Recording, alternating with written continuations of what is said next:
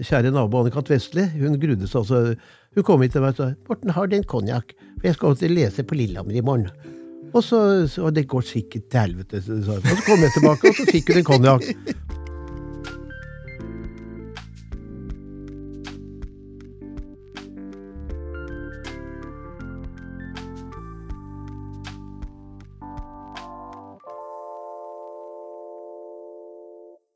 Da må jeg få ønske velkommen til alle våre kjære ørevenner og våre seere nok en gang. I dag har vi besøk av intet ringere enn en ridder.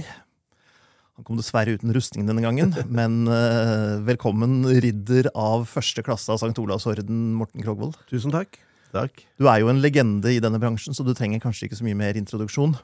Ja, men unge vet jo ingenting, vet du. Unge vet Nei, ingenting. Um, ja, du har jo drevet denne bransjen i 50 år Ja. der omkring. Mhm.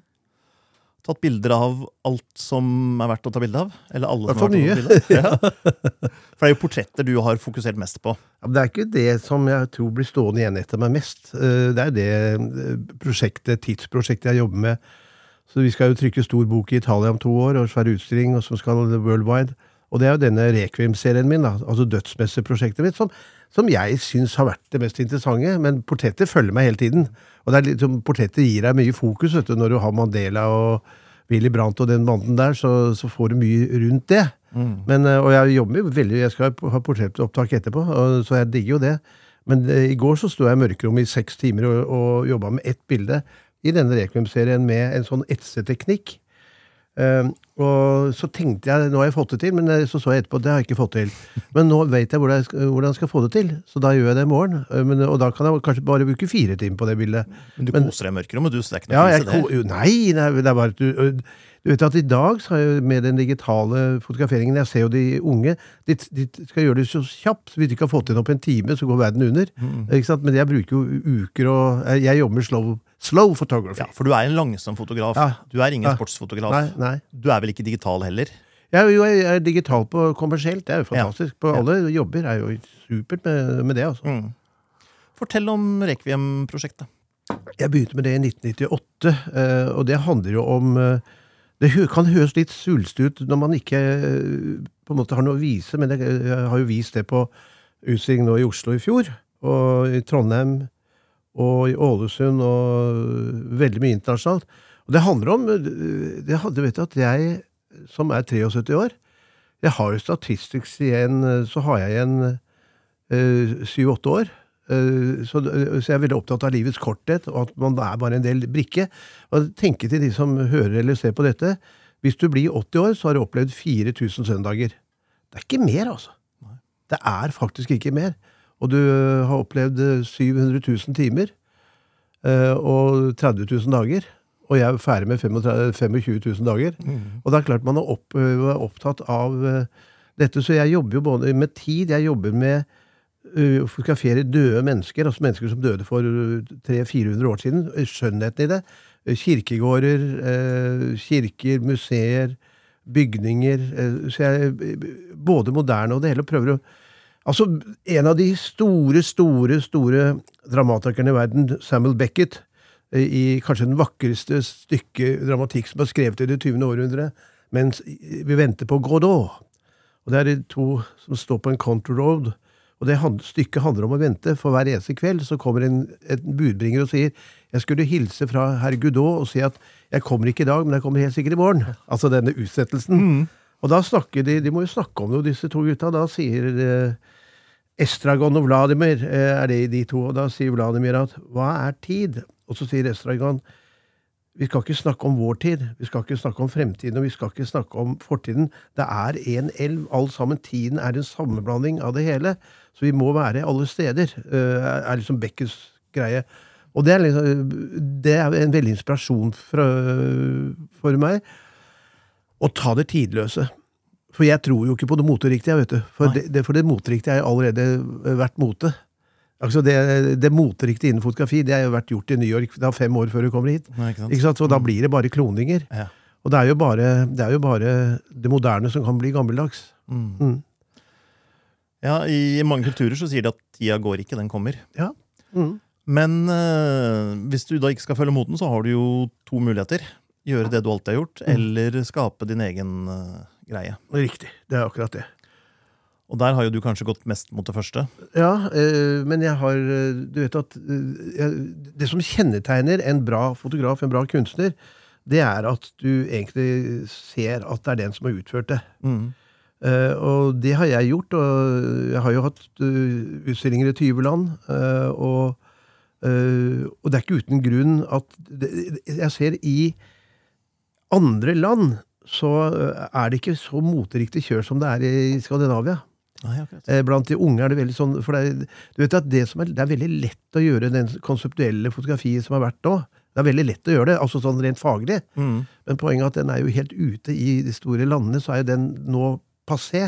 Og for eh, 20 år siden så var det modernismen, og da var det bare utførelsen. Mm. Og så kommer eh, konseptet, da er det bare innhold og ikke utførelsen. Så det er noe som bare, Men er man på det bagen, så eh, får man ikke noe eh, stempel, et, en, eh, et, et varemerke på sine bilder. Og hvis du ser de store, store fotografene, jeg kjenner veldig mange av de beste, så ser du at det er en tråd fra det de gjorde som 20-åring, til det de gjør som 80-åring. Det er nye ting hele tiden. Mm. Men jeg, jeg tror det Jan Gabarek, vår beste jazzmusiker, eh, sier, er veldig interessant. For han sier du skal ikke fornye deg, men du skal fortsette deg. Ja. Hvis Bob Dylan plutselig kommer, og du kjenner hun ikke igjen ikke sant, så, mange konserter så kjenner du ikke igjen sangen hans. nei, ikke sant? men men det, det ligger, du vet, Tenk deg han skrev 'Blowing in the Wind' i 1962. Det er helt fantastisk. Ja. ikke sant? Så det, så det ligger en sånn tråd. Og, så, eh, og til, hvis det er noen unge folk som eh, hører på dette, så har jeg en Arno Minken eh, sa noe veldig fint, for han, eh, han sier at eh, går, Han sammenligner fotografi med en bussholdeplass i Helsinki. For den er så svær, for den går til hele landet. Ja. Og så han du går på den bussen, og så kan du stoppe ved en holdeplass, så går du av på den holdeplassen, og der kan du være lenge. Men go back to the fucking bus. Stay on the fucking bus. Så kan du gå av og gjøre prosjektene. Og Ralph Gibson, som jeg kjenner veldig godt, eh, som er et ikon i verden, han, han sa til meg, vi var og filma han i fjor, så sier han alle bildene dine skal komme tilbake til utgangspunktet. Han kaller det a point of departure. At du skal, selv om du går i forskjellige retninger, så skal du tilbake ditt ståsted til ditt livsverk, på en måte. Så du kan, Det gjelder ikke det kommersielle, men så du kan kjenne igjen at det er deg som det du gjorde som 19-åring, og det du gjorde som 60-åring. Men det er, et, det er noe som har med deg å gjøre, og ikke bare fotografere med kamera, men bruke verktøy. da. Ja, spennende. Men, men de fleste har jo ikke funnet seg selv når de er 19. Nei, nei, Så man må jo kunne Ab- si søren, det der var litt dårlig, jeg har en annen Absolutt, konsept og da er det lov å etteråpe, og da er det lov til å Og, da det, og det har jo det gjort i hele kunsthistorien. Og jeg har en sånn badge på kjøleskapet med hvor Picasso sier at bad artist copy, good artist steal. Eh, For hvis du selger, så må du gjøre det til eget eh, stoff. Ja. Så jeg mener at de unge de skal, altså Hvis du skal overleve dette her, så må du lære deg faget. Altså Du må kunne noe. Og så kan du være en kloning til deg 30 eller et, et eller annet sånt. Vi kan gå tilbake til det som mitt store interessefelt musikk. Eh, og da De to første symfoniene til Beethoven, det er klin likt Mozart. Men så bryter han ut så bryter han ut med Roika-symfoni nummer tre og finner stemmen sin. Det, men du skal lete etter den stemmen, så du fotograferer noe som angår deg selv. Som har med deg å gjøre, og ikke har med bare ismeretninger. For det angår jeg ikke. Det som er virkelig å sette et personlig stempel. At det er viktig. Ikke sant? Jeg spurte Kari Bremnes i i et program, eh, et av de ansikt-til-ansikt-programmene. Jeg gjorde jo 28 av det. Og så sier jeg til Kari, 'Hvorfor har du lykkes?' Og så svarer hun da, 'Morten, jeg har ikke lykkes. Kom ikke og si at jeg, jeg føler at jeg ikke har lykkes i det hele tatt.' Men så sier jeg, 'Men du er jo blitt et folkeeie.' eh, Og du kan gå inn på nettet, og så på Diva så står det liksom Kari Bremnes hopper opp, og, eh, og du blir spilt i begravelser. Så, og du, vi har jo filmet deg i Tyskland, vi har filmet deg i Spania og Italia. Du har lykkes. Og så vrir hun seg og vrir hun seg, og så Nei, det kan jeg ikke si, hun. Og så sier jeg ok, vi har tre kameraer, vi lar kameraet gå. Sier jeg skal vite og da sa hun én setning, og det var nok. Morten, det må være veldig viktig. Interessant at du trekker det fram, for jeg hadde egentlig tenkt å stille deg akkurat samme spørsmålet. Ja. Hvordan har du lykkes? Jeg har lykkes, jeg tror det handler også mye med flaks. Uh, at du at på en måte en timingen, det du gjør, passer akkurat inn. Og for meg var det i 1978 og 17 1979, og når fotografi kom inn på Høstutstillingen, så traff mine bilder sånn planke, uten at jeg visste det. Eh, og de fikk enorm fokus. Eh, de- Du var den de andre fotografen i historien på Høstutstillingen. nettopp. Og de fikk en enorm fokus eh, på det. Så da var på en måte scenen klar. Og det er jo akkurat det som har vært også med Kari Bremnes og noen eh, av de andre, at du kommer A-ha klarte liksom å treffe akkurat det du skulle treffe. Bob Dylan. Det, ikke minst! ikke sant? Eh, Så jeg tror det har med det. Og så er jeg vanvittig arbeid sånn. Altså, jeg er jævlig god til å jobbe. Og jeg mener egentlig at jeg ikke er noe spesielt begavet. Men jeg mener, det er derfor jeg driver workshop. for Jeg mener at alle har en begavelse, som, men du, du går lenger ned. Så det er veldig mange av de som eh, jeg har på workshop, de kommer jo på ett, eh, to, tre måneder, så kommer de der hvor jeg brukte fem år. Men poenget er at de, de stopper jo opp mens jeg har fortsatt. Eh, og jeg var, Det er veldig interessant, skjønner du. Fordi jeg var eh, sekretær i Forbundet Frie Fotografer i 76. Da var det fotografiet fikk, altså Første gang det ble nevnt fotografi og kunst sammen. Ja. Ikke sant? Det var før, og, og da ble det en kunstorganisasjon, og da ble jeg sekretær. Og da husker jeg vi sendte melding, melding til medlemmene, og det var mye, jævlig mye flinke folk, altså. 160 mennesker. Og i dag, så langt etter, det er ikke mer enn 10-12 som har orka å fortsette kjøret. Fordi i fotografi, du, jeg kan ikke leve fullt ut av å selge bilder. Jeg, kan, jeg selger mye, Mm. men du må enten ha stipender eller gjøre noe annet. Og ha det vekselsvirket. Det er Dag Alving og Svari Tom Sandberg og fire, fem, seks andre som har kjørt det løpet i 40-50 år. Det er vi som har klart. Og det, så det handler om en stayerevne. Og min gode venn Janne Bengtsson han hadde en utstilling i Stockholm for noen år siden, og den het Etter klokken 17. Det var gjort etter klokken 17. Ikke sant? Det er det. Å holde den, og presse med familie og unger og alt dette, men holde det der trøkket oppe, det er ikke enkelt. Så jeg tror det er et resultat av det, at jeg hele tiden har visst hva jeg vil jobbe med. Jeg har visst den mooden jeg skal inn i. Og så er det så interessant. Det er altså så interessant. Eh, nå skal du stille spørsmål igjen, for nå skravler jeg for mye. Men eh, det, det, det jeg og Jeg slo av telefonen, men det er jo ikke. Eh, men, eh, det som da er poenget, det er at jeg ser på workshopene at de som har store, tøffe prosjekter, de stopper de prosjektene akkurat når det begynner å bli interessant. Fordi de holder på kanskje ett år, to år, Ja. mens jeg holdt på i 40 år. Men, og så stopper de for tidlig. Akkurat eh, der er det så tenker jeg dette er så fint. Å, så fint! dette er, Nå må jeg stille ut. Og så sier jeg, men gå tre år til. Vent tre år til, og gå dypere ned. Og da, da kan det skje noe. Anita Hamremoen stilte ut på Nordic Light. Et fantastisk prosjekt. Jeg visste at hun kom til å få invitasjon fra Russland i løpet av noen måneder. Hun fikk det dagen etter, og så sa jeg til Anita tre år. Si takk, jeg gjør det om tre år. Og da hun stilte ut, jeg ble invitert over til St. Petersburg, da var det, Hun var på forsider i alle aviser, hun var i alle TV-kanaler. Uh, St. Petersburg Symfoniorkester var på åpningen. Ja, det var helt vilt. Hun venta de tre årene. Til det virkelig blir interessant.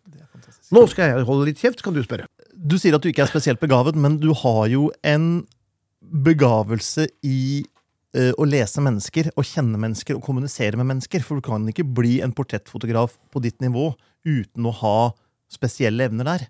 For det er ikke bare noe man lærer seg heller, er det det? Selvfølgelig man kan trene på det, men man blir aldri supergod som deg uten å ha en begavelse der, mener jeg. Ja, men Det er veldig riktig sagt, men mitt, mitt poeng er at jeg trengte lengre tid for å finne den begavelsen. Ja, okay. Mens noen har, har det sånn opplagt, og de blir jævlig gode med en gang. Ja. Mens jeg, måte, jeg gikk hele den tunge veien ned og lærte meg faget helt til bunns. Så jeg kan dette her. Og jeg innså at dette må jeg bruke år på å finne ut av det store faget. For det er et digert fag. Og så merket jeg at mer, så kommer flowen mer og mer, og da kommer den begavelsen man har. Eh, fram, men akkurat jeg føler, det er ikke sikkert det er rett, men jeg føler at begavelsen ligger i lag. At noen har det i første lag, mens jeg har det i fjerde lag. Ja, at jeg måtte spa lengre. da. Mm. Men det er et godt spørsmål, det du har forklart. Man har det, men jeg tror jo de fleste har det hvis de blir vekka. Altså en slags begavelse. Ja, men har Nei, ja Ikke den store- Alle har en begavelse. Ja. Men um, Og alle kan bli flinke til noe. Altså, Jeg sier gjerne at alle kan bli en god håndverker, men ikke alle kan bli Nettopp. kunstner. Absolutt. Og, og det er jo der ofte skillet går. da, De som virkelig utmerker seg, de har den ene ekstra tingen som er utover øvelse. Du må vekke den. Ja. Du må prøve å vekke den, eh, for det går ikke av seg selv. Eh, og der, Derfor er jo Jeg vet ikke om du kjenner til Joyce Tennison. eh, ikke sant? Og hun sier noe veldig fint. Hun sier at 'photography is about self-discovery'. Og det er der det er. Og hvis du da Og da ser jeg den Jeg var jo tre år på sykehus da jeg var barn, og, og jeg ser den innestengte uh, kreativiteten jeg, uh, som jeg måtte slite med. Da, da gikk den ut i et jubelskrik, når jeg først løsna det. Ja. Uh? Og jeg trodde ikke på at jeg kunne by på noe før jeg var nesten ja, 27-28 år. Jeg jobba beinhardt, men så plutselig så gikk den demningen, og så tenkte jeg nå er jeg der. Og da bare kom Da kom den Ja. begavelsen, inspirasjonen og alt dette er automatisk. Men du har drevet med foto hele livet? ikke? Ja, jeg, jeg begynte jo for Da jeg kom fra sykehuset som elleveåring, så hadde broren min mørkerom. Og, så klarte jeg å fremkalle en film. Jeg var ikke noe spesielt interessert, men det var liksom det eneste jeg mestra. På en måte, Jeg hadde ikke skolegang før jeg var elleve år. Oi. Så jeg kunne ikke lese før jeg var elleve. Eh, for det var ikke skole på, på sykehuset den gangen. ikke sant? Oi. Så jeg kom jo rett inn i fjerde klasse ute og kunne lese. Og så fikk jeg til de der rare greiene med øh, å fremkalle og sånn. Og så fotograferte jeg sånn de guttekompis ute og drakk øl, og så var det ikke noe mer enn det før da jeg var 16-17. Da begynte trøkket å komme. At dette må jeg gjøre noe med. Dette må jeg gjøre noe med. Og det var ikke minst å se fantastisk film. altså De store italienske filmene og russiske filmene og engelske filmer. og sånn. Jeg bare så, De bildene bare henførte meg, og så begynte jeg å gå inn i kunstverden. Og den er jo bare så interessant. Ja, for der har du jo mye Du har blitt inspirert av store malere Mm. og store komponister. Fortell litt om hvem som inspirerer deg, og hvorfor. Det spørsmålet liker jeg, vet du. For eh, jeg tror at min styrke, det er eh, at jeg Altså, jeg har jo eh, en av workshopene på Vågå. Altså, jeg spar over det på tre dager, men da holder jeg ni timers forelesning i kunsthistorie. Jeg har ikke noe manus. Og det heter Fra 30 000 år tilbake. Hulemaleriene til Marina Abramovic, som gjorde dette fantastiske stuntet i Museum of Modern Art. Ved å se folk inn i øynene. Og, så jeg har hele den referansen. Jeg har filmreferansen, øh, og jeg har litteraturreferansen inne. Og det gjør at øh, jeg vet når jeg har et negativt, eller, eller, eller noe på brikka, for den saks skyld, så har jeg det visuelle apparatet til å vite hvor jeg kan gå hen. Eh, og det er basert på Husk på at de hulemaleriene som er 30 000 år gamle 30 000 år! Du kan gå inn og holde en forelesning om eh, fargeteori og komposisjonsteori. Eh, så det ligger i oss. Men hele den referansen jeg har, eh, også over det, det som foregår nå, det er noe man kan høste av hele tiden og la seg inspirere av. Men så må man eh, ikke la seg overvelde så mye at det blir det, det stoff istedenfor eget. Man må filtrere det ut. Jeg tror den største nøkkelen, og det ser jeg, vi har jo vært rundt og intervjuet og filmet tolv av verdens beste fotografer i fjor. Alle har den der kunsthistorie inne. Altså De har den der tunge uh, uh, som, uh, som de høster av. Ikke sant? Det er det. Så det er jo det noe jeg ville anbefalt unge mennesker å gå mer inn og gå på utstilling og gå på teater. og bare Tenk deg hva du kan lære av scenografi! Og lysbruken av, av de, og de ordentlige teaterne. Altså, de er jo kanonbra! Og det har neppe, og det er jeg helt altså, Kom og gi meg den fotografen som var så god med lys som Leonardo eller Fermer eller eh, Velasquez. og så- For, for det er så mye å lære av det. For det er nesten, og Rafael, Jeg var så Rafael nå i London. Det er så mye å lære av det. Du blir bare stående og tenker du, du, du, kan aldri bli en Rafael, for det er, det er ikke mulig, kanskje. Men gud og mye jeg kan hente der. Blant annet den eh, skyggepartiene, hvor mye liv det er i skyggepartiene. Der, eh, at det, er, det er ikke det der brutale, harde Alt er det der gjennomført, stoffligheten i kjole eller skjorte og alle disse tingene som jeg vil ha med inn eh, i bånd. Og så kan man godt bryte det eh, og gjøre noe mye mer rocka. Men man kan ikke bryte noe man ikke veit. Altså, man, man, kan bryte en kunnskap, men kun når man har den kunnskapen, da er man fri. Og det er det å få inn dette faget som jeg savner veldig hos uh, unge fotografer. Men masse fantastisk begavede folk. For det er vel egentlig en illusjon det at man kan være helt uskolert og uinspirert og oppdage noe ingen før deg har oppdaget, fordi du ikke er blitt hva skal man si, satt, satt ting i bås på skole. Ja, de kjenner ikke jeg til, altså. Alt er vel Ja, egentlig inspirert av noen andre. Ja, alt er gjort før. Ja. Og vi står på skuldrene til våre forgjengere. Ikke sant? Og sånn skal det være. Og vi skal uh, hente all den De gamle grekere sa, sa 'ad fontes' til kilden. For der ligger en kilde. Og den kilden er ofte 5000 år tilbake. Altså, ingen har øh, altså, hatt en mer trøkk i kunsthistorien enn Picasso. Og når Picasso virkelig tok av med 'Kvinnen i Avignon' i 1907 og, og dro opp hele kubismen, så var det inspirert av hulemaleriene som var 30 år, 1000 år gamle, av 10 000 år gamle øh, afrikanske masker og iberisk jernalder. Det var hans greier. Og så bare eksploderte den kunsten og forandra hele kunstverden. Og da Jackson Pollack i 1948 flytta kunstsenteret fra Paris til New York med denne begynnelsen av eh, popkunsten, med disse actionpaintingene sine, som er helt fantastiske, eh, det, det, der fikk han ideen Han var på et foredrag av en professor i hvit frakk og tversoversløyfe, som eh, underviste og snakket om hvordan Nahavo-indianerne sannsynligvis gikk og malte på sanden. Malte og så ble det blåst bort. Og tenkte han ja, men hvorfor i granskammen har vi stått og malt på en staffeli? Så kjøper han seg et stort lerret og legger det der, og så begynner han å male i bevegelse med disse actionpaintingene sine. Og det tok noen år, men så så Rockefeller-senteret det, og så plutselig smalt det. Og det forandra og starta hele popkunsten. Mm. Men det var tilbake til Nahavo-indianerne. Ja, ikke sant? For det var ikke helt nei. nyttig heller. Det var inspirert, det også. Akkurat. Det er veldig riktig det du påpeker, at alt er jo gjort. Ja. Ja. Kan du fortelle litt om hvordan du går fram når du skal ta et bilde? Her har vi en fantastisk bok av deg, Det avgjørende øyeblikk, Ja. med ganske mange ganske imponerende portretter. Hva gjør du i forkant, underveis og i etterkant når du skal skape et sånt? Det jeg gjør, det er at uh, altså Hvis jeg eksempel Jeg leser ikke så mye krim, jeg har ikke tid. Eh, men bare si da når jeg, fotograferte for noen år siden eksempel under Lindell altså, Jeg kan ikke fotografere under Lindell uten å vite hva hun holder på med. Nei. Eh, og da er jo den fantastiske med lydbøker. Og da kjører jeg en to-tre krimbøker, og de, mens jeg tørker bilder eller vasker opp eller øh, gjør sånn, så går det inn. Og så er det jo veldig interessant å se hva det hun gjør. Så merker jeg at hun, hun har bygget opp et univers. Hun er god. Hun har bygget opp et univers. Og det for meg er av respekt for å, øh, for å møte en forfatter som, øh, som selger mer bøker enn de fleste. Og skulle jeg stå der blank ikke ane, hva hun holder på med. Og da danner jeg meg også og, et bilde av hvordan dette kan bli, og så finner jeg og dette er, vi- stjeler jo hele tiden, og dette er stjålet fra en som er 100 000 bedre, ganger bedre enn meg, Rembrandt. For Rembrandt malte alltid bakgrunnen først. Oh, ja. Og bak, så viktig er bakgrunnen og scenografien at det begynner der. Og da, hvis jeg ikke gjør det i atelier, jeg begynner å bli litt lei av atelier, eh, jeg har gjort det så mye, så jeg er veldig etter location og finne steder, og da finner jeg stedet først. Og så visste jeg da, nå bare tar vi eksempel under Linnell, bare for å bruke det, det er lettere å bruke ett, så finner jeg det stedet. Og så ser jeg, jeg vil helst da uh, bruke det lyset som er, jeg bruker jo veldig mye studioblisser og sånn, men ikke det ute. Og så ser jeg når det funker lyset, og så må jeg backup hvis det regner, og backup hvis det er sol.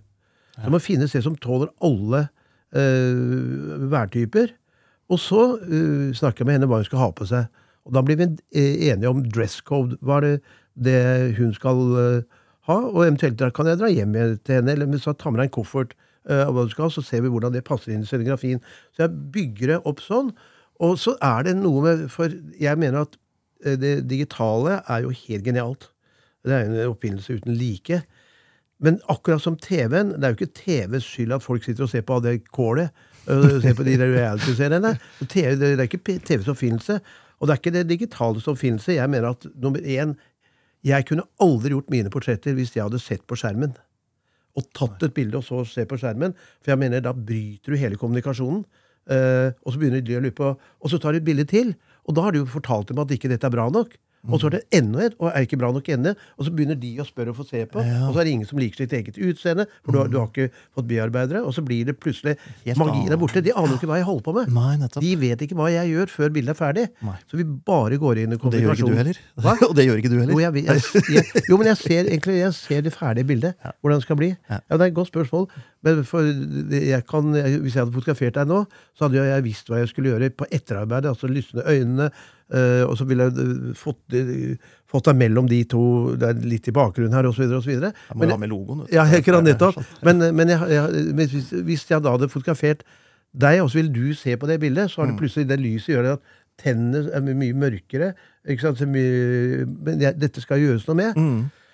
Så jeg eh, Altså, da har jeg funnet scenografien, jeg har funnet hvordan de skal se ut. Jeg ber de eh, altså, se så godt ut som mulig, og så handler alt om kommunikasjon. Og jeg syns en fordel, fordel for at jeg jobber da med mellomformat, det er at jeg kan se, altså, jeg jobber 90 med stativ. Fordi da kan jeg gå bort til dem og sitte og snakke i ti minutter og uten å sette opp kamera igjen og sånne ting. Og da også det at jeg kan se ned og takke ut Hassebladet min speilvendt, så jeg ser det speilvendt i søkeren og rettvendt her. Og det vil si at I det øyeblikket jeg da ser søkeren, så kan jeg se noen kompositoriske problemer som logikken i øynene og sanseapparatet ikke vi- det har du For det er reality. Og så er det bildet der nede. Og så, å faen, Mm. Ja, her så er det du sjaktsøker, så Ja, du kan nettopp, ha en kommunikasjon nettopp, nettopp. med motivet samtidig Ikke, som du nettopp, ikke Ja. sant? Og her er noe med det rommet jeg ikke får til. For rommet er like viktig som eh, personen. Så rommet skal svare, og rommet det er en rytme mellom rom og, og modell. Mm. Eh, og, og da går det inn på den kommunikasjonen og prøver å finne det øyeblikket hvor vedkommende mister ansiktet litt. eh, eller ikke har den profesjonelle maska. En sårbarhet eller en konsentrasjon. Og det som jeg syns er veldig interessant for meg, når jeg er blitt mer og mer dreven Jeg skulle fotografere, eh, og det er blitt et av norsk films mest kjente bilder, faktisk. Snåsamannen. Joralf. Og da, da hadde jeg med meg to filmer opp. 24 eksponeringer. For jeg vil begrense meg, og da brukte jeg 13 eksponeringer uh, på det. Og da, det syns jo han var veldig interessant, fordi uh, Så sa jeg Joralf, nå holder du, holder du, holder du. Der! Mens i dag så er det, jeg ble fotografert av en fyr på et magasin nå. Jeg tror han tok 800 bilder. Ja, ikke sant? Jeg holdt på å svime av, det var så kjedelig. ikke sant? Og de sier oppe på Vågå der vi har kurs, at folk syntes det var mye morsommere å bli fotografert før. For de sier ja, men folk tar så mye bilder, og det forstår jo ikke. Det er jo ingen som uh, forstår at en fotograf tar 100 eksponeringer. Altså, hvorfor gjør de det? Eh, Så jeg, For meg er det veldig viktig mer og mer at den eksponeringen, der er det! Og den eksponeringen, nå har vi det sammen. Og For å få inn den konsentrasjonen, altså. Mm. Så, øh, men det er klart at før så tok jeg mye flere. Det var mer og mer usikker. Ja. Men så, desto mer man blir sikrere, desto Og det gir meg en frihet, altså. At det skal bety noe, den eksponeringen. Og nå har jeg, skal jeg fotografere øh, en familie som, øh, som øh, fyller noen år. Eh, og der tar det ute. Da har jeg med meg to ruller, altså 24 eksponeringer. Og det for å holde det lenge. Sannsynligvis holder det lenge med de tolv. Ja. Og, og det er jo veldig interessant å se eh, Avedon og disse store fotografene. Av og til så tar de jo bare ett. Mm. Det er ganske kult, da. Jeg har en bok hjemme, som, en Ansel Adams-bok som Ja. heter The Making of Twelve Images. eller noe sånt. Å ja. Han dratt på fjelltur med tolv glassplater. Og alle bildene er så bra at de går inn i en bok. Hver eneste. Herlig. Wow. Herlig. For det er ikke noe vits å ta bilder bare for å fylle. Eh? Det, er det, det må være viktig. Ho- altså, til dere som hører på dette, her, gjør som Kari Bremmes. Det må være viktig, og det må være viktig når du trykker på den utløseren. Mm. For det er et statement, altså. Men det du gjør, er jo timer og dager og uker med forarbeid før du trykker på utløseren. Det dreier seg ikke om de 125 del sekundene Nei, lukkeren er åpen. det er. Det er jo alt før. Men hva gjør du da med Nelson Mandela, hvor du har fått et kvarter? Jo, det eh, Du vet jo litt om han på forhånd, sikkert, men Ja, ja, eh, veldig. Men, eh, og der er jo to eh, bevæpnede folk rundt, og en sekretær. Eh, stresser det deg? hva? Stresser det deg når de Nei, er eh, men jeg tenker skal, fordi jeg igjen går på kommunikasjon, så det jeg gjorde, jeg gamblet. Og da ser jeg Mr. Mandela, hvordan er det å sitte 27 år uten å bli berørt av en kvinne? Og de to gutta holdt på å stivne, vet du. Og hun da sekretær ble Så var hun farvet, hun ble albino på, på stedet. Og så ser han på meg, og så sier han dette blir interessant. Og så ser han 'give that man 45 minutes'. Og da, men det, og der fikk jeg det på det første. Jeg gjorde 13 eksponeringer. Og det også er veldig interessant. En sånn mann Og jeg har fotografert såpass mye kjente politikere, konger og dronninger. Og, sånn. og de er så glad for eh, De sier men du er jo en ordentlig fotograf, for du tar ikke så mange bilder. Så, eh, så jeg prøver å få til konsentrasjonen. Og da hadde jeg på forhånd, ut fra det jeg hadde sett, så visste jeg eh, to ting. Det, når man ser bilder av, eller film av Mandela, så ser man at, at han har, har veldig lite trøkk i øyet, for han ble skada under, under de steinbruddene. Mm. Uh, det var litt dovne øyelokk, uh, det er nummer én. Og så hadde han, har han et arr som ble tatt, han ble tatt av en uh, fangevokter og skåret opp. Så jeg hadde målet å få trøkk i blikket, og det fikk jeg eh, med en gang jeg snakket om ned, Så, og så tar han opp armen. Jeg ber aldri de gjøre det. Og da har jeg arret og det ene øyet som ser rett i kamera. Eh, og det bildet var jo over kisten til Mandela da han ble gravlagt. Og, det, det, var reprodusert rundt i hele eh, Sør-Afrika. Og det er på den store boken og den, eh, store boken som har kommet ut i New York Mandela, er det bildet der. Og han elsket det, eh, det bildet. Men da fikk jeg også det arret. Men får jeg det ikke, så får jeg det ikke. For jeg vil aldri se Kan du ta opp alle øh, Altså, jeg, du ber ikke, jeg ber ikke ens ta opp øh, hånden til ansiktet, men plutselig så gjør det i en konsentrasjon. Og så der, er- da finnes det Og da kan det hende jeg sier Bare sitt et lite øyeblikk. Ikke, det kan jeg gjøre, men jeg ber ikke. Kan du gjøre det? For da blir det sånn. Ja. Slapt, ikke sant? Og da fikk jeg Og så det merkelige var at Fordi det er blitt et helt ikonisk bilde. øh, om jeg får lov til å si det selv, for det er, sånn det er det. Ja. Men da jeg var ferdig, så var jeg misfornøyd altså, da jeg så det. For jeg følte at jeg, det ble litt for konservativt. u- men eh, etter hvert så tenkte jeg men faen, hvor god er du, Morten, og ikke begynne å bli big i det der. Så så jeg det etter hvert at det fungerte. Og så gjorde jeg da en gedigen tabbe ved at jeg sa til sekretæren til Madiro Dette var jo analogt. Og så Han kan selvfølgelig få så mye han vil, og så fikk jeg en bestilling på 5000 mørkerådsbilder. Jeg sto i tre måneder uten å tjene på det. ikke sant? Så det bildet der kan jeg altså. Så det er spredd rundt. Men jeg, er jeg, og det er veldig viktig å si, jeg er alltid veldig nervøs når jeg fotograferer. Jeg gruer meg alltid. Uh, og, og det er samme om jeg eh, fotograferer en rørlegger eller Mandela, spiller ingen rolle. Uh, for det, jeg, jeg tenker at det, dette er ikke sikkert at dette lykkes. Det er ikke så enkelt at dette lykkes. Og de har en forventning. Så, så jeg har alltid veldig høy puls. Og de som jobber med meg, hvis jeg har noen assistent med, eller et eller annet sånt, jeg har mindre og mindre av det, de sier at det er akkurat som onkel Skue som går sånn i ring når han tenker. Ikke sant? Jeg er ikke til å snakke, snakke til. Jeg lader opp som en idrettsutøver for å lade opp adrenalinet. Fordi jeg er utrolig redd for å ikke få det til. Fortsatt. Men gjør det ikke det jobben veldig krevende? Altså, hvis du går inn i den med høy puls, blir ikke det sånn at neste gang du skal på en jobb, så blir det sånn 'Å nei, jeg gruer meg til dette her fordi jeg vet jeg kommer til å grue meg til det'? Altså frykten for frykten for å gjøre noe feil? Jeg vil gjerne gå til en liten terapitime hos deg. Li- Har du en sofa her? Ikke sant? Men jeg var veldig god øh, altså Min kjære nabo Anne-Kat. Vestli hun grudde seg altså. Hun kom hit til meg og sa 'Morten, har du en konjakk? For jeg skal til lese på Lillehammer i morgen'. Og så, så det går sikkert til helvete. Og så kom jeg tilbake, og så fikk hun en konjakk.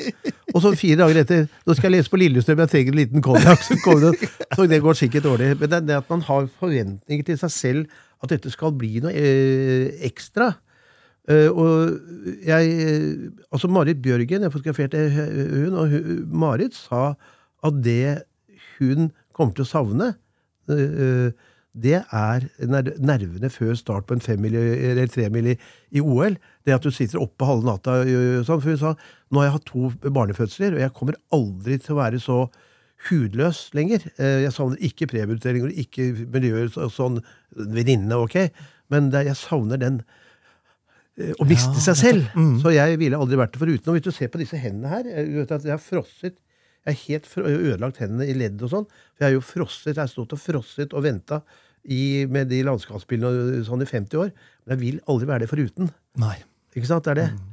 men jeg er sånn at øh, hvis jeg skal ha en oppdag, så ringer vedkommende og sier at jeg er blitt sjuk. Yes! Yes! Hurra! Ja. Men jeg vil allikevel at det skal komme. Men da? Mm. Ja, Eh, så det er merkelige greier. Men det betyr veldig mye for meg å være der oppe og få til eh, det det gjelder, siden det er folk som er interessert i fotografi, eh, som hører på dette her, det er at du kan aldri lage mesterverk etter mesterverk. Du, det skal litt lite til. Men det er at bunnivået ditt er høyt. Altså at, at du er så god faglig at hvis du ikke har en bra dag, så er det allikevel veldig ålreit. For det er jo veldig få fotografer i verden som, som etterlater seg mer enn 20-30 fantastiske bilder i løpet av et liv. Og det er jo genialt, men det er poenget at de andre er også såpass gode. Men jeg bare har lyst til å si en liten ting til deg eh, med slow photography. Ja. For, eh, for jeg tenkte på Er du enig med meg at kanskje at Cartier Bresson er bortimot den mest kjente sånn gatefotografen? Det er vel det? Ja. Og du vet at du kjøper boka hans, som er 250 bilder, så hans livsverk er tatt på åtte sekunder. Lukkeren har stått oppe i åtte sekunder. Tenk på det! I løpet av 70 år. Der er det. Det er 125-60 sekunder, ikke sant? Så det er 8-9 sekunder. Der. Men han har ikke sittet med beina på bordet ellers. Men det, da, men det er forløst i så Ja. få sekunder. Mens jeg eksponerer jo ofte på tre timer og sånn. Altså min lukker står Ja. ikke sant? Uh, på det jeg holder på med. da, Ikke, sant? ikke portrettene, men, uh, men uh, den Requiem-serien er veldig ofte over natten og sånne ting, så jeg jobber helt motsatt. Men du vet at Bressot, eh, han tegnet hver morgen. Han tegnet for å komme i form, akkurat som en pianist spiller skalaer. Eh, Og så gikk han ut for å få geometrien i orden, for å få synet eh, i orden. Syns det er veldig interessant at han gjorde det hele veien for å skjerpe. Og vår kjære avdøde venn Tom Martinsen fra Dagbladet, det han gjorde før han gikk til Dagbladet Han satte seg ned og så så gjennom en bok av Gene Smith eller Carter Brusseau eller Capa eller noe sånt, en av de gutta. Bare for å få opp den der, Det kan gjøres bra, og så gikk han til Dagbladet. Ja, For å ha en liten dialog med sine helter. Siden vi har deg her, så må vi jo snakke om Vågå og workshops. Det har jo vært en del av ditt liv i 30 år. Uh, hvordan begynte det, og hvordan i all verden holder du ut? Og fortelle om den denne reisen. Eh, Det, det har vært en veldig stor berikelse, og er en veldig stor berikelse eh, for meg. Det var noe som het fototreff der oppe, eh, hvor jeg skulle holde et foredrag for fotoamatører i 1989. Eh, og det gikk bra, og så hadde jeg med meg en venn av meg som driver business, og sa han men du har jo hatt masse workshop i USA, kan du ikke ha i Norge? Kan du ikke ha det her? Og så spurte vi ledelsen vi skal prøve et par ganger, og så gikk Vågå ut og brukte penger på å abortere, og så ble det to fulle. Og det jeg tenkte at jeg skulle ha to eller fire. Og så kom eh, Dagbladet-fotografen, store nestoren Johan, avdøde Johan Brun inn. Og sa han "Det- det- dette holder ikke, du må bygge ordentlig mørkerom. og sånn. Så, han, så de tok ned trimrommet og bygde mørkerom, og da måtte jeg være der litt til. Og så har jeg blitt der. Og da jeg nå eh, Det var et surprise party eh, for meg da jeg fylte 70 år. I gamle, Jeg visste ingenting. I gamle Jakobs kirke var 300 mennesker, og 280 av de var fra workshop. Så bortsett fra mine barndomsvenner, så har alle mine venner og bekjente har jeg møtt på workshop. Og det har vært så berikende. Og jeg synes det er mer og mer interessant. Vi skal ha to workshop nå til høsten. Og nå hadde vi, Det hadde vært veldig gøy hvis du en gang kunne komme ut på den Oslo-workshopen. Eller i hvert fall, jeg ringte deg, for der kommer eh, I mitt hjem så kommer folk på Vi skal ha ned på slutten av august. Da kommer folk eh, klokka 18 på torsdag, og så holder vi på til klokka 13 på søndag. Og så var det utstilling på Continental. Ett bilde hver i glass og ramme. Oi! Og hva de får til. Og da var det, det var så mye folk der at Og hva de får til! Jeg får helt hakeslepp av hva de kan få til på to og et halvt døgn. Eller to, etter at vi har undervist to hver åtte timer. Og det er sånn øh, at den utstillingen som var nå Og da kommer jo masse fotografer og sier at det er jo helt ubegripelig. Det er sånn jeg brukte fem år på. Ja, nettopp. Men det er jo veldig interessant. Ja. Det skal jeg ta det opp på. Altså, for det, Helt rått hva de får til. eh, Og det de har med seg, er bare crap. Men Men -hmm. jeg sier jo alltid skal vi Jeg siterer Bibelen, og så sier jeg eh, Jesus sa til disiplene Dum er den som ønsker ufortjent ros. Den som ønsker kunnskap, ønsker lutring. Altså disiplin, ikke sant? Eh, og så ser jeg, i det øyeblikket de da blir pressa ut eh, med en eh, entusiasme, så helt, Jeg ble helt matt, jeg, altså. Så fantastisk. Ja, og da eh, er det også en enorm inspirasjon til mitt arbeid. Og så, nå må jeg skjerpe meg. Når dette- disse forholdene, ikke sant? Og det har kept me going. Uh, og jeg har truffet så mange interessante mennesker, og jeg har to, eh, gjort det i 22 land. I, det er bare i Australia jeg ikke har gjort det. Jeg har gjort det i Bangladesh og Nepal og USA og Kina og India og sånn. Og det er så utrolig interessant, og jeg syns det er så fantastisk å se mennesker som bare tar ned Forsvarsverket og bare stuper ut i det. Uh, fordi en av de tingene som jeg banker inn, eh, som er veldig viktig for meg, det er igjen å gå tilbake til Beckett, eh, dramatikeren, som sier feil, feil igjen, feil bedre.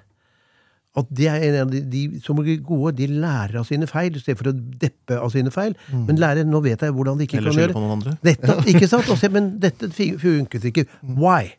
Hvorfor? Og vi hadde jo en Linda Eide, vet du, som er i NRK. Ja. Hun, var jo- hun satte jo hele Vågå på huet omtrent. Men da hun kom, hun kunne ingenting om kamera. Da satt hun hele natten, og så gikk hun rundt på Vågå hotell og noterte hun hva hun gjorde. Og så gikk hun til Thomas, min assistent, øh, for jeg er jo ikke god på den tekniske biten. Hvorfor fikk jeg ikke til det? Hvorfor fikk jeg ikke det? Sånn, sånn, sånn. Og da hadde hun forsto hun det kamera og sånne ting med en gang. Og så jobbet hun på Hun sa det er det mest fantastiske Hun har vært på to workshop. Mest fantastiske, For jeg utviklet meg som radiojournalist òg. Ja, nettopp. Ikke sant? Mm. Fotografi utviklet på så mange måter. Fordi du er alene og skal møte folk, og du må finne ut hvordan du skal kommunisere, og fantasi og sånne ting. Det er veldig spennende fag, altså. Det er helt rått. Og det, du må huske på at jeg var enormt dårlig på skolen. For jeg, ble, jeg var helt akterutseilt når jeg ikke kunne lese engang. Mm. Og, så jeg var, Bortsett fra engelsk, og, jeg, og, så ble jeg ganske god i norsk. Jeg skriver mye. Men du skriver resten, veldig godt her. Ja, takk. Og resten var jo helt håpløs. Så kom fotografiet som en sånn redningsplanke. Eh, og min far, som ble født i 1907, øh, gamle foreldre, og jeg er jo eldre sjøl, han trodde jo at jeg skulle havne som gatefeier under broene eller, i landstryker. Så dårlig var jeg.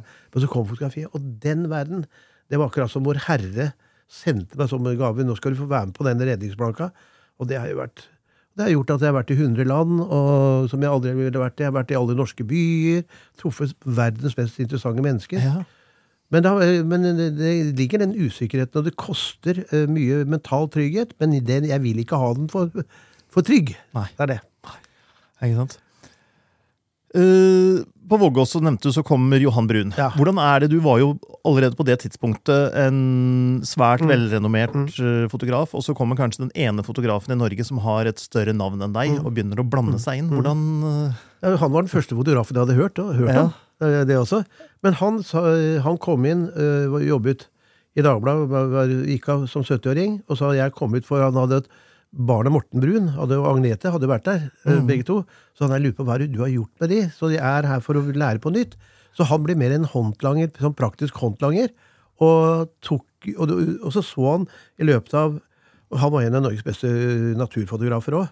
Og han hadde en stor utstilling for 10-12 år siden på hele Folkemuseet av 100 naturbilder, og 95 av de var tatt etter Vågå.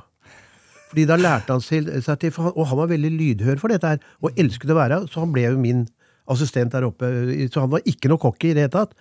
Men det som forskjellen, og dette er veldig viktig, at jeg sa Johan, du har ett problem. Du tar fantastiske naturbilder, men du er for glad i naturen. Så det blir avbildninger. Eh, du må tolke det gjennom ditt temperament og få bort en del støy og renske opp og lage linjer og form, for det er formgivere vi er. Mm. Så du må ikke være så begeistra. Du skal være begeistra før og etter, men ikke når du jobber. For da er det egentlig en ryddeprosess, en, en prosess, geometrisk prosess. Uh, og det gjorde han. Og da, med hans natursyn, så ble jo det bildet helt virkelig bra. Da, da fikk han en, et boost i sin karriere på 90-tallet etter han var gått av i Dagbladet, og gjorde veldig veldig fine ting. Og det er også viktig. Jeg fotograferte en altså, Du må ta styringen, og være, du må være litt kynisk akkurat når du tar bilder. altså Du må være kald, for det dreier seg om den opplevelsen du har, skal formes. Mm. Og står du og kanskje møtt uh, din nye kjæreste, og så har du hatt en kjærlighetskveld, og så går du ut, og skal, så er det en fjord, og så er det fint lys, og så tar du det bildet. Og så er det jo ikke noe lukt, og det er ikke noe lyd, og det er ikke noe bevegelse, og det er ingenting. Og det er ingen som har uh, hatt en kjærlighetsgreie. Du leverer det bildet på et stykke papir. Så den historien du har med, syns ikke på bildet. Den syns kun for deg. Og så blir du skuffa når du ikke får responsen. Ikke sant? For du tror liksom at du, du hører alt selv. Så det er et stykke papir med form på. Det er det vi holder på med. Nei, og det er, jo, det er jo den store utfordringen. For veldig mange tar bilder som betyr noe for dem selv. Mm. Jeg har tatt tusenvis av bilder som betyr noe for meg. Jeg tror jeg har tatt null bilder som betyr noe for andre. Mm. Ja, jeg har sikkert tatt noen konfirmasjonsbilder eller bryllupsbilder som betyr noe for brudeparet, men bortsett fra det så har jeg ikke tatt bilder som betyr noe for andre. Mm. For jeg klarer ikke å formidle det Nei. på den måten. Nei. Og det er jo veldig veldig vanlig i dag. Ja, det er det. Og det er helt fint å ta bilder for, som for, for en selv. Men, eh, men, da er det ikke sikkert at man skal begynne å ha ambisjonen at det skal på noe galleri, eller at folk skal være interessert i å lese bøkene eller se bøkene. Nei, jo ikke engang, Du skal ikke forvente så mange likes på, nei, på Instagram. Nei, nei, nettopp. Nei. Så Um, du har holdt på å si, et anstrengt forhold til farger. Du har ikke det, jeg vet det. Men uh, du er veldig veldig glad i svart-hvitt-bilder. Fortell hvorfor du bruker så mye svart-hvitt. og så lite farger. spørsmål. Nei, Jeg har overhodet ikke noe anstrengt forhold til farve. Men det skjedde altså det ene ting er at eh, For meg er mørkerommet en videreutvikling. Eh, eh, jeg kunne selvfølgelig stått i et farvemørkerom, men det er der en utviklingen du, du snakket om Ansel Adams, og Ansel sa jo en gang at fotograferingen er komponistens partitur, og mørkerommet er orkesterfremførelsen. Ja. Han brukte den metaforen. metaforen. den. Han var jo stor pianist sjøl, for øvrig. Eh, eh, så det er den jeg ikke får den eh, Jeg får ikke fullført med farver. Jeg, jeg inspirerer jo mine uh, workshop-deltakere til å fotografere farver. Jeg, jeg liker jo aller best å se bilder som ligger så langt fra meg selv som mulig, og inspirerer veldig. Men jeg eh, arbeidet i Norsk Film, altså Statens filmsentral, i mange år, og vi fotograferte, reiste rundt i hele Skandinavia og fotograferte kunst. Og så hadde Jakob Weidemann en vanvittig utstilling på Høvikollen. Og med en sånn farveeksplosjon så tenker jeg at det, er- det er, jeg har ikke en sjanse til å hamle opp med den friheten å ha- ha farve, jobbe med farver. Og siden jeg er så forgapt i mørkerommet, eh, så er det noe med at du ser eh, Det er samme med eh, Sally Mann. Jobber jo nesten bare i sort-hvitt. Eh, Joel Peter Wheatkin. eh, Mens Alex Webb jobber bare med farver.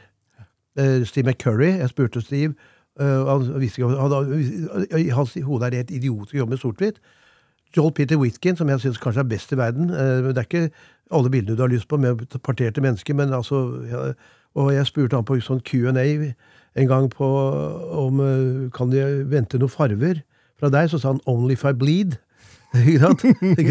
Så, det, så det betyr ikke at vi ikke digger fargebildet, men uh, dette er så vanskelig, så jeg konsentrerer meg uh, om én ting. Men jeg jobber jo veldig mye med toninger. Blåtoninger, eh, gulltoninger, og jeg bruker mye inn der. Og jeg skulle gjerne fotografert mer i, i farver, og jeg syns det er mange jævlig gode, og jeg elsker å se farvebilder, men jeg, jeg holder på med dette mørkerommet som jeg videreutvikler. Aldri holdt på med så interessant i mørkerommet.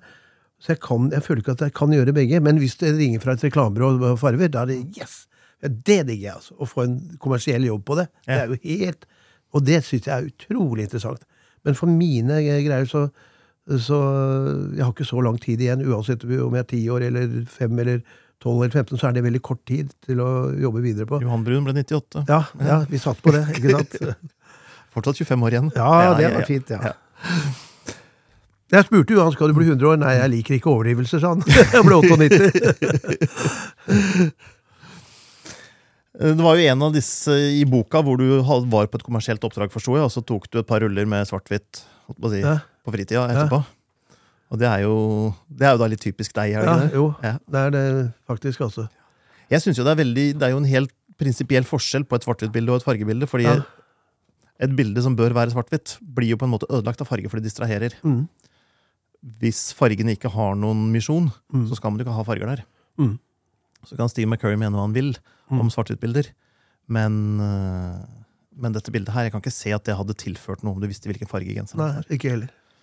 Og så kan du se at eh, siden jeg er så, øh, så opptatt av kunst, så ser du at eh, sånn i det 20. år- århundre så, så kunne jo eh, Munch, for eksempel, han kunne, eller si, så legger han et ansikt i grønt.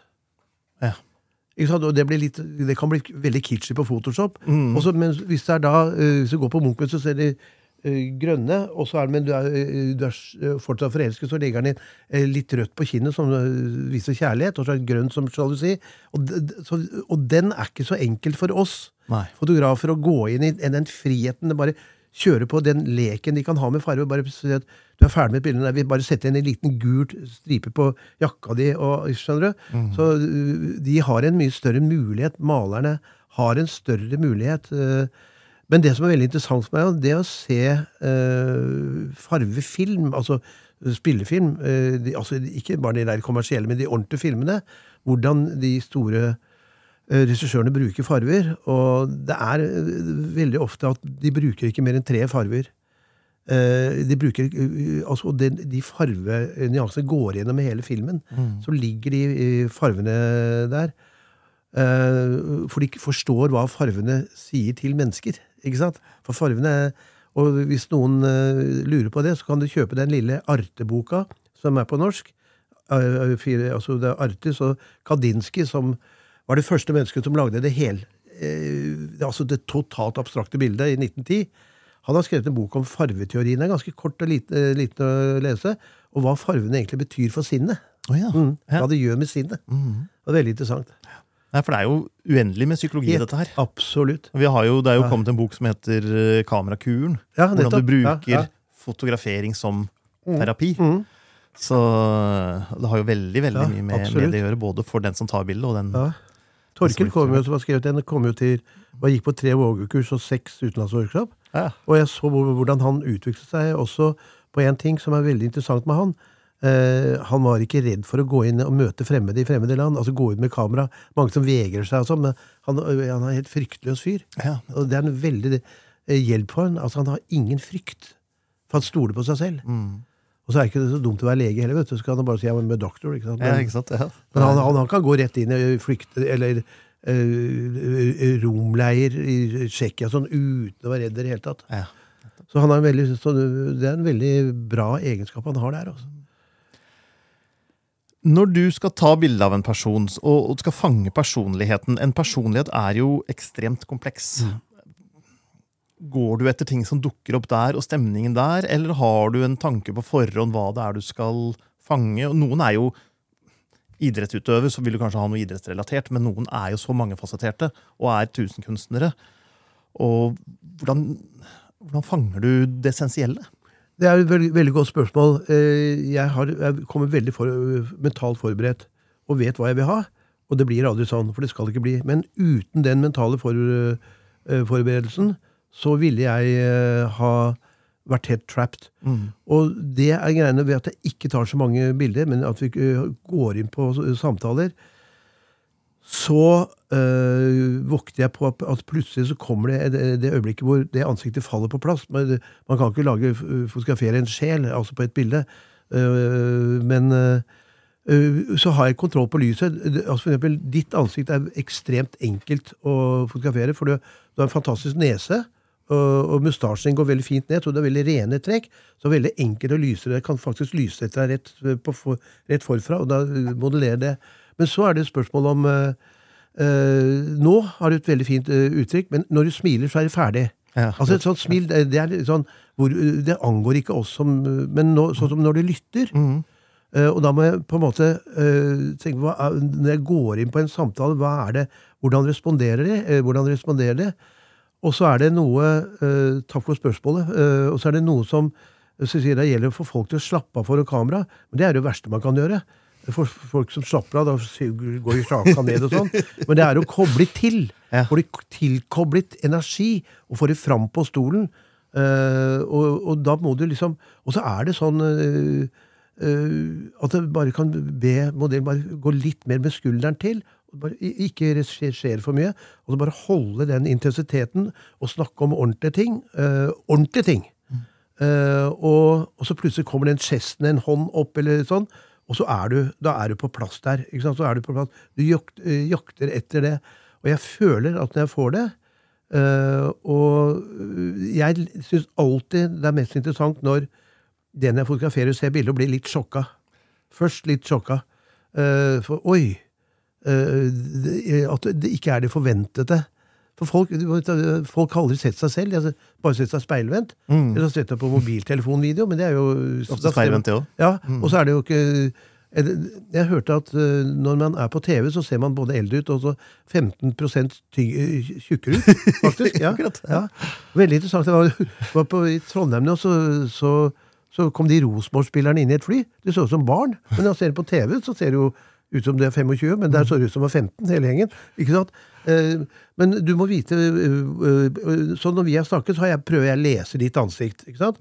På hvordan kunne jeg tenke meg å gjøre det. Så ser du jævlig fint lys fra den fotopoden som ligger bak, så er det et lys, lys på håret ditt bak. Som, så jeg, der ville jeg hatt sånn noenlunde kontroll på lyset. her sånn, Og da er det å jakte på, på at det oppstår noe Det er en kommunikasjonsbusiness. dette er. Jeg sender et signal til deg som du responderer på og skal kaste tilbake. Og det er hva som skjer inni deg, som skal inn på den filmen min.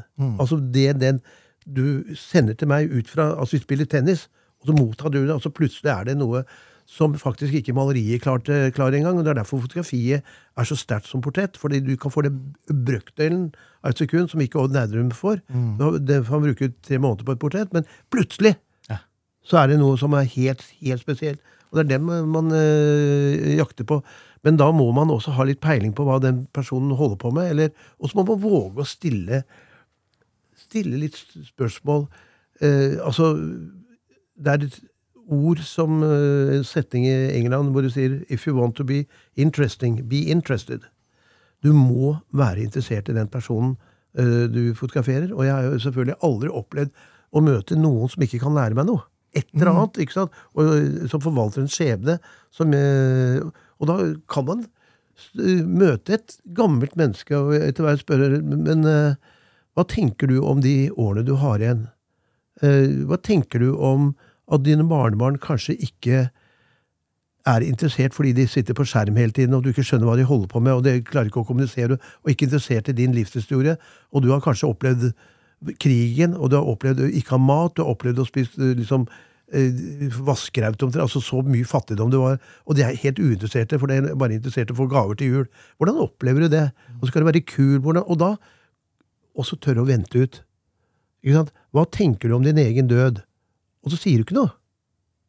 Og så sier de jo, ja, det er jo ikke så lenge, og sånn, og så sier de litt sånn, og så sier de ikke mer. Og så venter du. Da kommer statementen. Ja, nettopp. Hvis du tør å vente 4, 5, 10, 12, 20 sekunder stillhet, for folk blir nervøse av stillhet, så kommer det Men du vet, jeg også øh, Og så løses det ansiktet opp. altså da, den, La masken falle, så du kan komme litt dypere inn. Ja. Ikke sant? For du vil ikke ha masker, du vil ha levde liv, Ja. sier du, og skjebner Ja, ja, og, og. Men ikke kommersielt. Hvis jeg skal fotografere en, en øh, som skal representere et stykke på et teater, Mm. så er det jo utlending er kommersielt som skal representere te- teatret. Men uh, jeg sier veldig som Odd Nerdrum sa til meg for mange år siden, et portrett skal vise at et menneske er på vei fra fødsel til død. Mm. Altså Du skal vise at du er i en, den syklusen i disse bitte, bitte korte tiden vi lever, denne gjesten vi er i virkeligheten. Og det, ofte er sårbarhet i et ansikt det er noe av det vakreste. Nå har du jævla fint uttrykk, ikke sant? Eh, for de lytter, Mm. ikke sant? Eh, for vi representerer jo, for i det øyeblikket du går ned i butikken, så setter du på skjermen. Mm. Ikke sant? Det gjør vi alle. Prøver i hvert fall. Mens når vi sitter sånn, så er vi helt fri. Ja. For, noen, eh, for da snakker vi om ordentlige ting. Mm. Og Og bryr oss lytter. ikke om kamera. Nei, nettopp. Og lytter. Ikke sant? Mm. Så øh, og, og jeg er interessert i dette som jeg alltid har vært. Jeg tror kanskje det kom fra et sykehusopphold. Tre år uten å ha noe å gjøre. altså Kjede seg i tre år. Uten noe stimulans. Ingenting. Ikke kunne lese ingenting. Uh, og da kommer det mye Til en liten raring som jeg var, så kommer det jo mye tanker som jeg bea- bearbeider. Og jeg jo det siste altså For meg var jo det sannsynligvis det største gaven jeg har fått. Altså, Jeg gråt i tre år, men jeg kom gjennom det Så jeg hadde ikke sittet her uten det. altså. Nei. For da fikk jeg en ballast som, eh, hvor jeg skjønte med min lille hjerne at livet er alvorlig. Eh, men samtidig er det jævla morsomt. ikke sant? Det, det er den, men dette alvoret som ligger i bånn. Og det bringer meg inn, hvis jeg får lov i to minutter, å si at den største leverandøren til også fotografi, av den store fotografien, og all kunst, er melankolia, melankoli. Og det eh, betyr svart galle på gresk. Og de gamle grekerne mente at vi hadde fire kroppsvæsker. Og den svarte gallen var skapende. Den gikk til himmelrommet og kom tilbake igjen. Og det var, eh, det, der lå skaperkraften. Og melankolia er overhodet ikke noe øh, Det er ikke noe øh, negativt. Det er å bare erkjenne sin egen dødelighet. Og jeg står og, i ni timer over tre dager og holder for, øh, kunsthistorie, og da sier jeg jeg tror at den mest største melankolikeren i verdenskunsten heter Charlie Chaplin. Ja. Og han er regnet som verdens morsomste mann. Og han sier jo at jeg lager filmene, humoren, for å overleve mine dystre tanker. Vi har latteren. Eh, Vi har latteren, ikke sant? For hvis du begynner å tenke inn på denne vinterbyen hans, og sånn, den blinde blomsterselgersken som ikke ser hans, den elskede som plutselig går en annen vei, og så roper han, så forsvinner han, denne fattiggutten, landstrykeren og sånn, og så gjør Chaplin ma- masse gag, så vi ler. Ah, fantastisk! Og så er han tilbake til denne melankolien, akkurat som Buster Keaton. Eh, John Cleese er jo snakket veldig om det i Fawlty Towers og sånn. Det er jo så jævla morsomt. Alt går til helvete den? Men vi ler, vi ler oss selv. altså Det er noen som får, er, har det verre. Uh, så den melankolien, uh, og den kan du gå til med til, pop, uh, til popmusikk, var den mest kjente låta til eh, John Lennon. Det er Imagine. Spilles i begravelse. Yesterday eh, av Paul McCartney. De, disse eh, balladene som ligger der, eh, har jo en melankoli. Som, eh, og Bjørn Eidsvåg har jo denne sin sang. Som, det er det som han blir huska etter. ikke sant? Eh, så det er ikke negativt, men det er bare vissheten om livets korthet og sin egen eh, altså Vi er ikke udødelige, som ligger i bånn. Ja. Eh, og denne evighetslengselen, da, kan du si, som ligger der. Robin Williams sa jo noe sånn at de Hvem sa det? Robin Williams, Ja, nettopp, komikeren og klovnen, ja. at de morsomste, blideste menneskene er jo ofte de Mm. Tristeste og som lider mest. For de vet hvordan det er å lide, og vil ikke at andre også skal lide på samme måte. Stemmer det at han tok selvmord? Han nettopp, akkurat, nettopp. Så han var jo en typisk klovn. Han trengte å spre både for å holde sine egne demoner i sjakk og for å spre. Han var jo kjempegod òg. Ja, Utrolig. ikke sant? For et overskudd. Mm. Du kunne ikke tenke deg at han går og depper etterpå, men han gjorde det. Ja, og det er mange av dem som Ja, gjør det. mm. Og vi har jo alle, når du snakker om, om din periode på sykehuset, vi har jo alle episoder og perioder i livet vi eh, skulle vært foruten, Ja. men som har formet oss og gjort oss til den vi er. Og dermed så kunne vi på en måte ikke vært dem foruten, for da hadde vi ikke vært oss. Helt riktig. Og ta de og nå er det, er det så mye syting og krenkelser og sånne ting, og folk tåler mye mindre enn de gjorde. Eh, Jeg sa til mine barnebarn så sa Det er litt så dumt av og til å si at de husker noe annet før og sånn, men når den koronaen kom, så sa jeg ok, kom, eh, det er normalen, så har jeg sagt, at det kommer en pest i løpet av livet ditt. Og det er normalen at det kommer en krig. Og min far opplevde første og annen verdenskrig, spanskesyken, som tok 80 millioner mennesker. Ti ganger mer enn korona. Og når han endelig kom ut av det, så kom jo den kalde krigen. Det er, og det er ganske normalt å oppleve en krig i løpet av ditt liv. Så bare så ikke du tror sier jeg til dem at det, det, For de er nå 13 og 14, øh, to av de. øh, og det setter de pris på. Men poenget eh, problemet i dag er jo selvfølgelig at de får vite så mye mer enn vi fikk. For, nå får de liksom fra time til time, sekund til sekund, hva som skjer i Ukraina og sånn hele tiden. Men eh, den eh, Å ta med seg en eh, skjebne Tenke på Marilyn Monroe som den største divaen. Hun eh, ble jo banka opp eh, av familien, stakk av som 14-åring, og da satte seg ned og begynte å lese Dostojevskijs eh, verker, og ble sannsynligvis en stjerne for å bli sett. Mm. Uh, uh, altså det, det er så mange av disse virkelig ikoniske navnene som har Hvis du begynner å lese om den barndom de har, så er det ikke til å holde ut. Men de har kommet seg gjennom det, da. Ikke sant? Så Billie Holiday det er jo den verste skjebnen av alle. Hun, er jo, hun ble jo kasta ut som femåring og gikk alene og prostituerte seg som tiåring i New York. Hun hadde ikke et sted å være, ble banka opp, og, og så gikk hun om natten og oppsøkte noen eh, nattklubber og sånn. Og så fikk hun anledning til å synge en låt, og så plutselig ble hun stjerne. Og da hun døde bare 40 år gammel, så var det fullt av politi rundt henne ved dødssengen, for de eh, arresterte henne for narkotikadrugs mens hun døde. Hun var jo helt alene. Men hun har skapt helt det mest fantastiske innen musikken, innen jazz, som er skapt. ikke sant? Og Miles Davis, som var, eh, han var narkoman og alkoholist. og nei, Fy faen, der ligger det mye, altså. Men eh, det er ikke det at man må ha det. Men, de har, men eh, at mor og far ble skilt, det får vi tåle. Det får vi tåle, Ja, men det påvirker deg, og det gjør deg til den du er. Det er det. Hvis du tåler det, Mm. så blir du sterkere av det. Jeg tror vi skal begynne å runde av, men jeg har Ja. et sånn litt filosofisk spørsmål helt til slutt. Ja. Um, du jobber ganske mye med uh, motivet du skal portrettere. Hvor mye av den du portretterer, er i bildet, hvor mye av deg? Det var et fantastisk spørsmål.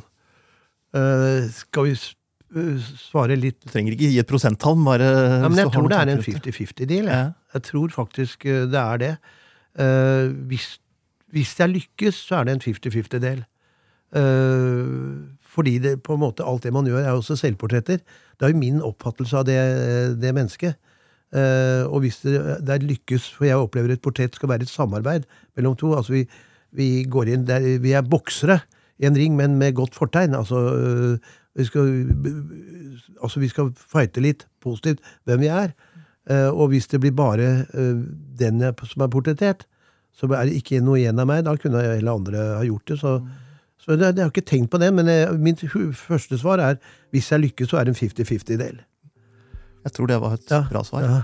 Da sier vi tusen takk for at du kom, Morten. Tusen takk. Tusen takk til alle som har hørt på, alle som har sett på. Vi ses igjen om en uke. Veldig hyggelig å være her. Takk.